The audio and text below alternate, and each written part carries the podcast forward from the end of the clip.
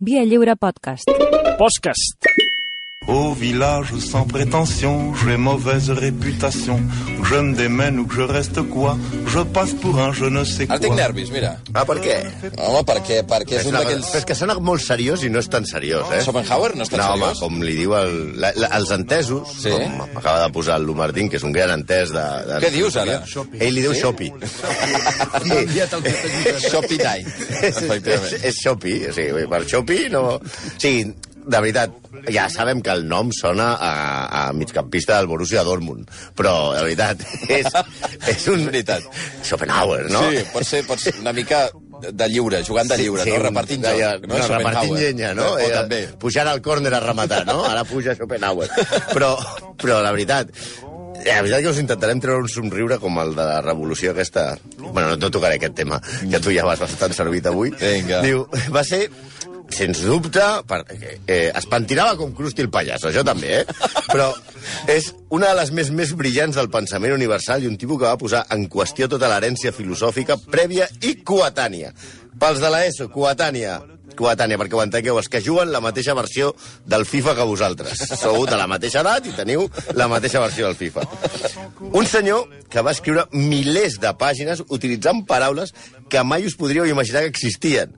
Tipus que va ser un rondinaire de llibre, un dels tios més pessimistes de la història, malhumorat permanent, un masclista, al seu costat Weinstein és sufragista, un envejós, un ésser violent, Oi. un miserable, un misàntrop, misàntrop, el Malcolm amb ressaca o Andrea acabada d'aixecar. Vinga. Vinga, un vanitós, un obstinat i un tipus al qual literalment no voldries com a veí. De fet, era famós perquè no saludava els veïns, cosa que ara és absolutament normal, perquè sé que sou d'aquests, que quan veuen que entra a la sobre la porta del carrer i esteu a l'ascensor, piqueu ràpid i tanqueu Home, la porta. tot el més possible, per anar sols a per l'ascensor. anar sols a l'ascensor. Però és que abans la gent, diguem-ne, a, les cases es saludava. Aquest matí parlem d'Arthur Schopenhauer. ¿Qué tal, Lucy? Espera, Dick, y verás lo que es bueno. Perdón, abuelo, ha sido sin Ara els diminutos? Sí, sí, perdoneu, però, Però és què té que... a veure els diminutos, ara? És que el fons, Schopenhauer, res. això se li ha posat al, al Santi Però la què cos, té... que No, mira que li no, tregui. un moment, un moment. Sí, què té sí. a veure els diminutos amb Schopenhauer? Segons el Santi, eh, el- l'avi de la sèrie de los diminutos és exactament igual que Schopenhauer. A veure, mira, el, el Malcolm ha, ha penjat, mira, mentre estava parlant el, d'això, la foto, i dius que és igual que l'avi dels diminutos. Home, el- Doncs compraria bastant, eh? Mira, vaig home, fer és, retuit. no és que sigui igual, és clavat. és clavat. Los Diminutos és una sèrie de televisió dels anys 80, segurament no sabeu de què parlem. A més, tampoc era una merda de sèrie, eh, també t'ho dic. Que Ala. es basava en els relats infantils de John Pearson. Un tio que va vendre milions de llibres per nens i clarament aquest tio tenia un problema amb Schopenhauer. No està provat, però un dia em dedicaré a parlar de John Pearson A veure si a veure si tenia un problema amb Schopenhauer. Si aquest personatge, Schopenhauer, no el dels diminutos, Sí. és tan foc, és tan fosc que això, Xavi, no ho aixeques ni fent una altra enquesta de croquetes a Catalunya. Oh, Eh? que bonic, que bonic va ser la setmana passada amb les croquetes. Què, què eh? et sembla? No, no, no. Ara veu anar repassant A tots més- els bars i restaurants, A més a més, eh? nosaltres tornàvem de, de, de l'estudi que teniu muntat allà a Girona, Sí. que les instal·lacions aquestes brutals que teniu. Que, De casa a la Bàrbara Julve, casa no? a la Bàrbara Julve, amb la seva mare allà fent dissabte, i nosaltres allà a casa seva, una, una, un petó a la mare de la Bàrbara, Home. des d'aquí, i que, i, bueno, vam veure que vam veure les croquetes i vam anar amb el cotxe i dèiem, hòstia, que bonic, que bonic li està quedant el programa. Bueno, bé, com tothom, hauríem de començar Ai. amb el naixement de Schopenhauer, que en aquest, eh, en aquest cas es va produir a Danzig, que avui es diu Dansk, que llavors pertanyia a la República de les Dues Nacions, però quan va morir pertanyia a Prússia, i avui és Polònia. I qui sap si demà serà Tabàrnia?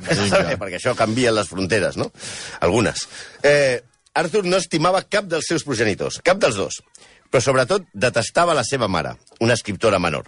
Algunes versions asseguren que ell l'odiava pel tracte al seu pare en els últims dies que li va donar la mare al pare. Però gairebé tots els estudiosos apunten a que ell va voler exercir la figura patriarcal en morir el pare de manera autoritària, un rotllo Mufasa, Rei León i coses d'aquestes, eh? I ella, la, la dona, la vídua, molt independent, el va enviar, per dir-ho filosòficament, a cagar. Tampoc, tampoc es portava massa bé amb la seva germana. De Avui fet, esteu... esteu eh, M'ho esteu fent fàcil tot, eh, trobo? com deia, tampoc es portava massa bé a la seva germana. De fet, va estafar a la seva mare i a la seva germana quan va tenir ocasió. Va ser quan va heretar la fortuna del pare, que veient el panorama familiar va prendre la honorable decisió de suïcidar-se. Sí, mira, ell va escriure La meva senyora mare organitzava tertúlies mentre ell, es refereix al seu pare, es consumia en la seva solitud. I ella es divertia mentre ell suportava amargs turments. Vet aquí l'amor de les dones. Un criat li hagués fet més servei que la seva esposa. Bé, també hem de dir que la mare tampoc sembla que es quedés curta en borda i megalòmana i vanitosa. Un dia aquest, molt amic de l'escriptora, li va dir que es veia que el petit Arthur estava destinat a fer grans coses. I ella li va dir que ho dubtava. Era molt improbable que es donessin dos genis a la mateixa família. Parlava d'ella. O sigui, arriba a néixer avui la mare de, de, de Schopenhauer i és una rapera d'aquestes que parla d'ella mateixa en tercera persona o Aida Nizar. Oh, Me encanta mirarte cuando me preparas el café. Te preocupas tanto de lo mío que se te olvida y no te importa. I sense més preàmbuls, qui és aquest ara? Camilo, Camilo Sesto. És Camilo Sesto? Sí, parlant de... Les, el que entén Camilo Sesto per una relació d'amor. Sí, exacte. Com, es, com es tracta les dones? Així es tracten les dones. Sabes cuánto te quiero. Cuánto te quiero, això sí. Sí, això sí. Entonces, com deia, sense més eh, preàmbuls, anem a una de les coses que ha fet de Schopenhauer un ésser otoe menyspreable. La seva misogínia i el seu masclisme. No l'espereu a la mani de dijous, no hi serà. Però abans, posem-nos en antecedents. Arthur, o Arthur, va viatjar pel món perquè ell tenia el truc per ser filòsof i ser ric. Néixer ric. Fàcilment. Home, aquest és fàcil. Aquest és el fàcil. Però, a més, era culte i parlava llengües, però amb el seu caràcter li costava més lligar que Santiago Segura abans de ser famós. Clar, tenint en compte que un tio ja petit li preguntaven i tu, reietó, què vols ser de gran? I cosa, filòsof! Hòstia, nene, quina por, nato! Sí, no deia futbolista, astronauta, metge, banquer, especulador immobiliari, artista porno, no, filòsof, per sortir corrents. Sí, home. Se li, coneixen, se li coneixen diversos enamoraments sense comptar els prostibularis cap als de l'ESO. Bueno, ja sabeu què és els de l'ESO. Que eren més ajuntaments que enamoraments. De fet, se li coneixen sis enamoraments. El primer va ser platònic. Es va encapritxar de l'amant del, del duc Carles August de Weimar. Però això és com quan tu t'enamores de Lara Croft. No compta. També va estar embolicat amb una cambrera a la qual, segons sembla, li va fer un fill que no va voler reconèixer ni visitar. Estranyament, no sé per què, la relació no va funcionar. A Florència va tenir una nòvia amb la qual va estar a punt, segons ell, de caure en el parany del matrimoni. La va abandonar perquè presumptament ella tenia una malaltia incurable i no servia com a esposa. Bueno. A Venècia es va tornar boig per Teresa Fuga, amb aquest cognom, una dama de dubtosa reputació per l'època. Segons Tocata i fuga. tocada, tocada i fuga. Tocada i fuga. Segons explica les seves eh, memòries el músic Robert von Honstein, Arthur no va anar a veure a Lord Byron, que era una estrella en el seu moment a l'anglès, que estava també a Itàlia, perquè ell ella n'era una admiradora i temia que, que Lord Byron se la robés. Molt segur de si mateix no era. Ja tornada a Berlín, comença una relació amb Caroline Richter Medon, una corista del National Theatre de Berlín. La relació era plena de discussions, però va ser prou intensa perquè ell se'n recordés d'ella al seu testament. El problema és que en una llarga estada de Schopenhauer a Itàlia, ella es va quedar embarassada. I si Schopenhauer estava fora i ella també, i es queda embarassada, s'entén que l'havia deixat embarassada un altre home. I va donar llum a Carl Ludwig Gustav Medon. Temps després, Arthur, que havia d'abandonar la ciutat per un brot de còlera, i no parlem de la mala llet, li va oferir a Caroline que l'acompanyés. La condició li va dir, bueno, hi ha còlera, nosaltres marxem de la ciutat, anem tu i jo, però has de deixar el fill aquí, sol, i que es mori de còlera. Ella, òbviament, s'hi va negar. Encara hi ha un cas, un cas més simptomàtic. Ell encara estava dolgut per la cornamenta que portava i va conèixer Flora Weiss, una nena de 17 anys, filla d'un marxant d'art. Gairebé, al conèixer-la, al mateix moment, li va demanar matrimoni. A Flora aquest vell li produïa fàstic, un fàstic infinit, i amb bon criteri el pare va rebutjar la petició. Aquest rebuig el va fer encara més misògin. Però és que misògin és una paraula que es queda curta. Veiem algunes frases del propi Schopenhauer. Cometes. Pensa, di, afirma Schopenhauer. Les dones no tenen el sentiment ni la intel·ligència per la música, així tampoc de la poesia i les arts plàstiques.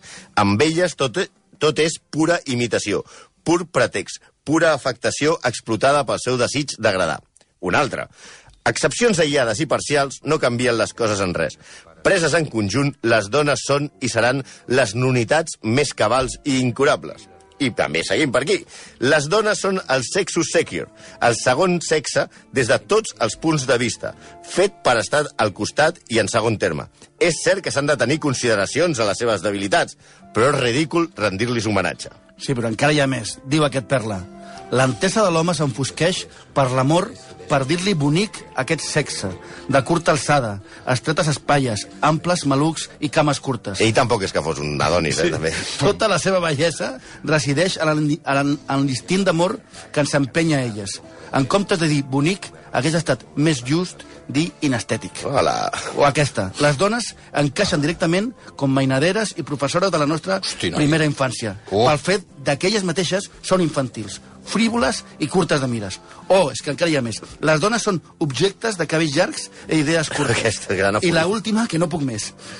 Que la dona és per naturalesa obedient a l'home es pot veure en el fet de que cada dona que és col·locada en la no natural posició de completa independència immedi immediatament s'uneix a un home per ser guiada i governada. Això és perquè necessita un senyor i amo. Si ella és jove, serà un amant. Si ella és vella, un capellà. No, espera, hi ha un altre que encara hi ha, i amb això ja acabem, eh? Els, diu Schopenhauer, els homes són faldillers durant la meitat de la seva vida i l'altre porten banyes. Per tant, les dones es divideixen en traïdes i traïdores. Aquest encant de personatge que enamora tots els estupendos i idiotes que el citen sense tenir ni puta idea de filosofia. Vinga, ja està. Obvien les seves Noi. idees de les dones. Però sempre valoren com estimava els animals. De fet, el seu gos li parlava en anglès i quan el renyava li deia home en alemany. També Els xistes de Schopenhauer. Sí, un xiste de Schopenhauer. que graciós, tia, desarriba-lo. També equipara les relacions home-dona amb un coit d'eriçons. Sempre acabes punxant-te. No es portava la depilació en aquella època. Mira, avui parlàvem d'això, a veure.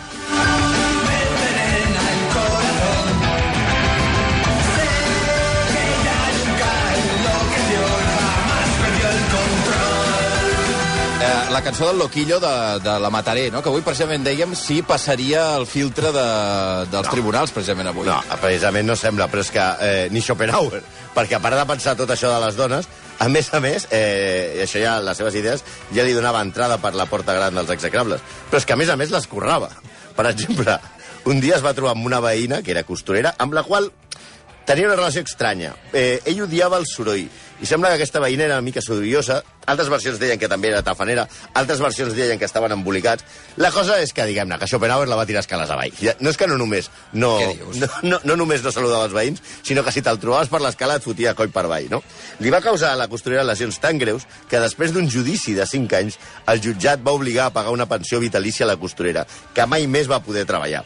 En un exercici d'humor negre, quan va morir la senyora a causa de les ferides que va tenir quan, va caure, quan el va, quan la va tirar per les escales, ell va dir tot afectat. Ovitanus habit onus, que vol dir morta la vella, s'ha acabat la tragèdia.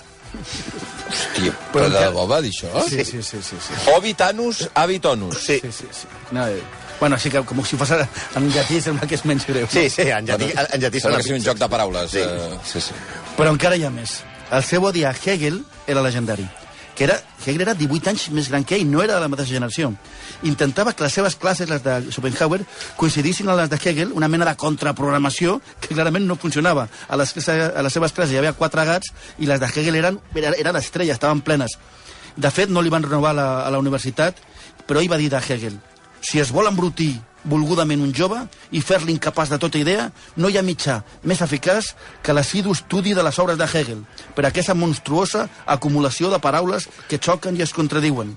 Si alguna vegada un preceptor temés que el seu pupil es fes massa llest pels seus plans, podria evitar aquesta desgràcia amb l'estudi assidu de la filosofia de Hegel. O, xerraire de ment obtusa, insípid, nauseabunda, nauseabundo i lletrat, que va arribar al súmum de l'audiència narrant les coses més esbossarrades, mistificadores i mancades de sentit.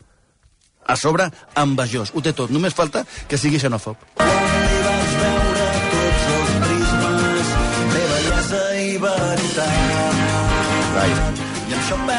Ara, ara. Mira, mira. Jo recordo una conversa del, del, del Basté amb els amics de les arts preguntant, però perdona, a veure, això de rimar... Schopenhauer. Schopenhauer. I After Hour, After Hour, és una genialitat, és una, és una puta genialitat. Prou de paraulotes, ja. És una- Tio, superat els, els cupos, ja, avui. Que, que no es preocupin els amics de les arts, perquè eh, Alberti feia rimes maline, marinero con salinero, o té una rima que diu soledad de un andaluz al otro lado del río, que ara solo un andaluz al otro lado del río. Bueno, Alberti era pitjor. Ja, rimar rio amb rio, o sigui, no es preocupin. M'encanta. És que, és que a part de, de, de l'habilitat l'habilitat que tenen els amics de les arts per, per, per, per rimar i per tenir bons títols, eh, ens porta un capítol abans de parlar de xenofòbia. Perquè el problema de Schopenhauer, bàsicament, era titular. No hi havia pitjor tio posant titulars al món que Schopenhauer. No és estrany que no n'és ningú a la seva classe, i més si competia amb Hebel. A veure, penseu, un tio que titula les seves obres com Sobre la quàdruple arrel del principi de raó suficient. Toma! O el món com a voluntat i representació, de la que es van tirar 800 exemplars i encara queden 150 per vendre. O la nostra favorita, Parerga i Paralimpomena. Un llibre d'aforismes que... el veus- veu, no? Sí, que el veus i et penses que és un programa de televisió de Sánchez Dragó. Però tornem, tornem a la... Parerga I paralí... i paralipòmena. Pare... Com és? Paralipòmena. Paralipòmena. Paralipòmena. Bé, que és, és un programa de Sánchez Dragó, bé. Però tornem a la xenofònia. Pues va ser que sí que era xenòfob. Ah, sí? Per No se podia saber, no, Dels també. francesos deia, per exemple, a altres parts del món tenen micos, Europa té francesos. Vinga. Bueno, però s'ha de dir que Schopenhauer el que feia era que odiava els homes en general. Sí, especialment els revolucionaris, que en aquella època venien de França. Molt filòsof i tot el que vulguis, però per davant de tot era milionari. I quan va, i quan va esclatar la revolució de 1948 no va dubtar de quin bàndol posar-se. O sigui, el canalla, portat pel pànic de perdre la seva posició social si triomfava la revolució dels obrers, obre les portes del seu pis al centre de Viena als soldats austríacs per tal que disparin més fàcilment sobre els manifestants des de la seva finestra. Fins i tot els hi proporciona als soldats els seus prismàtics, els que portava per anar a l'òpera, per tal que apuntin millor. Sí, sí, una perla. Però, a més, es va convertir en l'enemic de la felicitat. Com ell era infeliç, que sigui el món. Diu, per evadir patiments innecessari, s'ha d'evitar els estats d'ànim excessius. No hi ha millor, millor do que l'equanimitat inalterable i la serenitat impassible. I això ho diu un senyor que tenia com a gran passatemps cada tarda tocar una àrea de Rossini amb flauta. Sí, imagina't, diu, "Vas, què vas a fer? Què vas a fer, Schopenhauer? Vaig a fer la meva horeta de flauta tocant a Rossini. És que el tio era una juerga, tio. De fet, a veure, ara estarem d'acord que la millor cosa que ha inventat la humanitat és el coit, no? O sigui, ja sabeu de què parlem, no? Doncs resulta que l'inventor de la tristesa postcoital, sabeu qui és? Schopenhauer! S'ha de ser malparit per espatllar una de les poques coses que valen la pena de la humanitat. Aquest no el deixàvem sortir amb nosaltres de festa ni farts de garnatxa. Sí. De carnatge, eh? Però això ja li passava, perquè ell va escriure un altre títol que es deia L'art d'insultar, o sigui, imagina't. Però això ja li passava al cafè, al famós cafè greco de Roma. Allà els artistes i els, els parroquians li impedien l'entrada perquè ja no el suportaven més, criticant tota l'estona i amb els seus aires de saberut. Vaja, Schopen- Schopenhauer era un plasta. 4 minuts i les 11 en punt del matí. Eh, anava a dir que parlaries de Schopenhauer. Eh, sí, no, resu- resumeixo els missatges amb el Quim que diu deixeu Schopenhauer en pau, malandrins.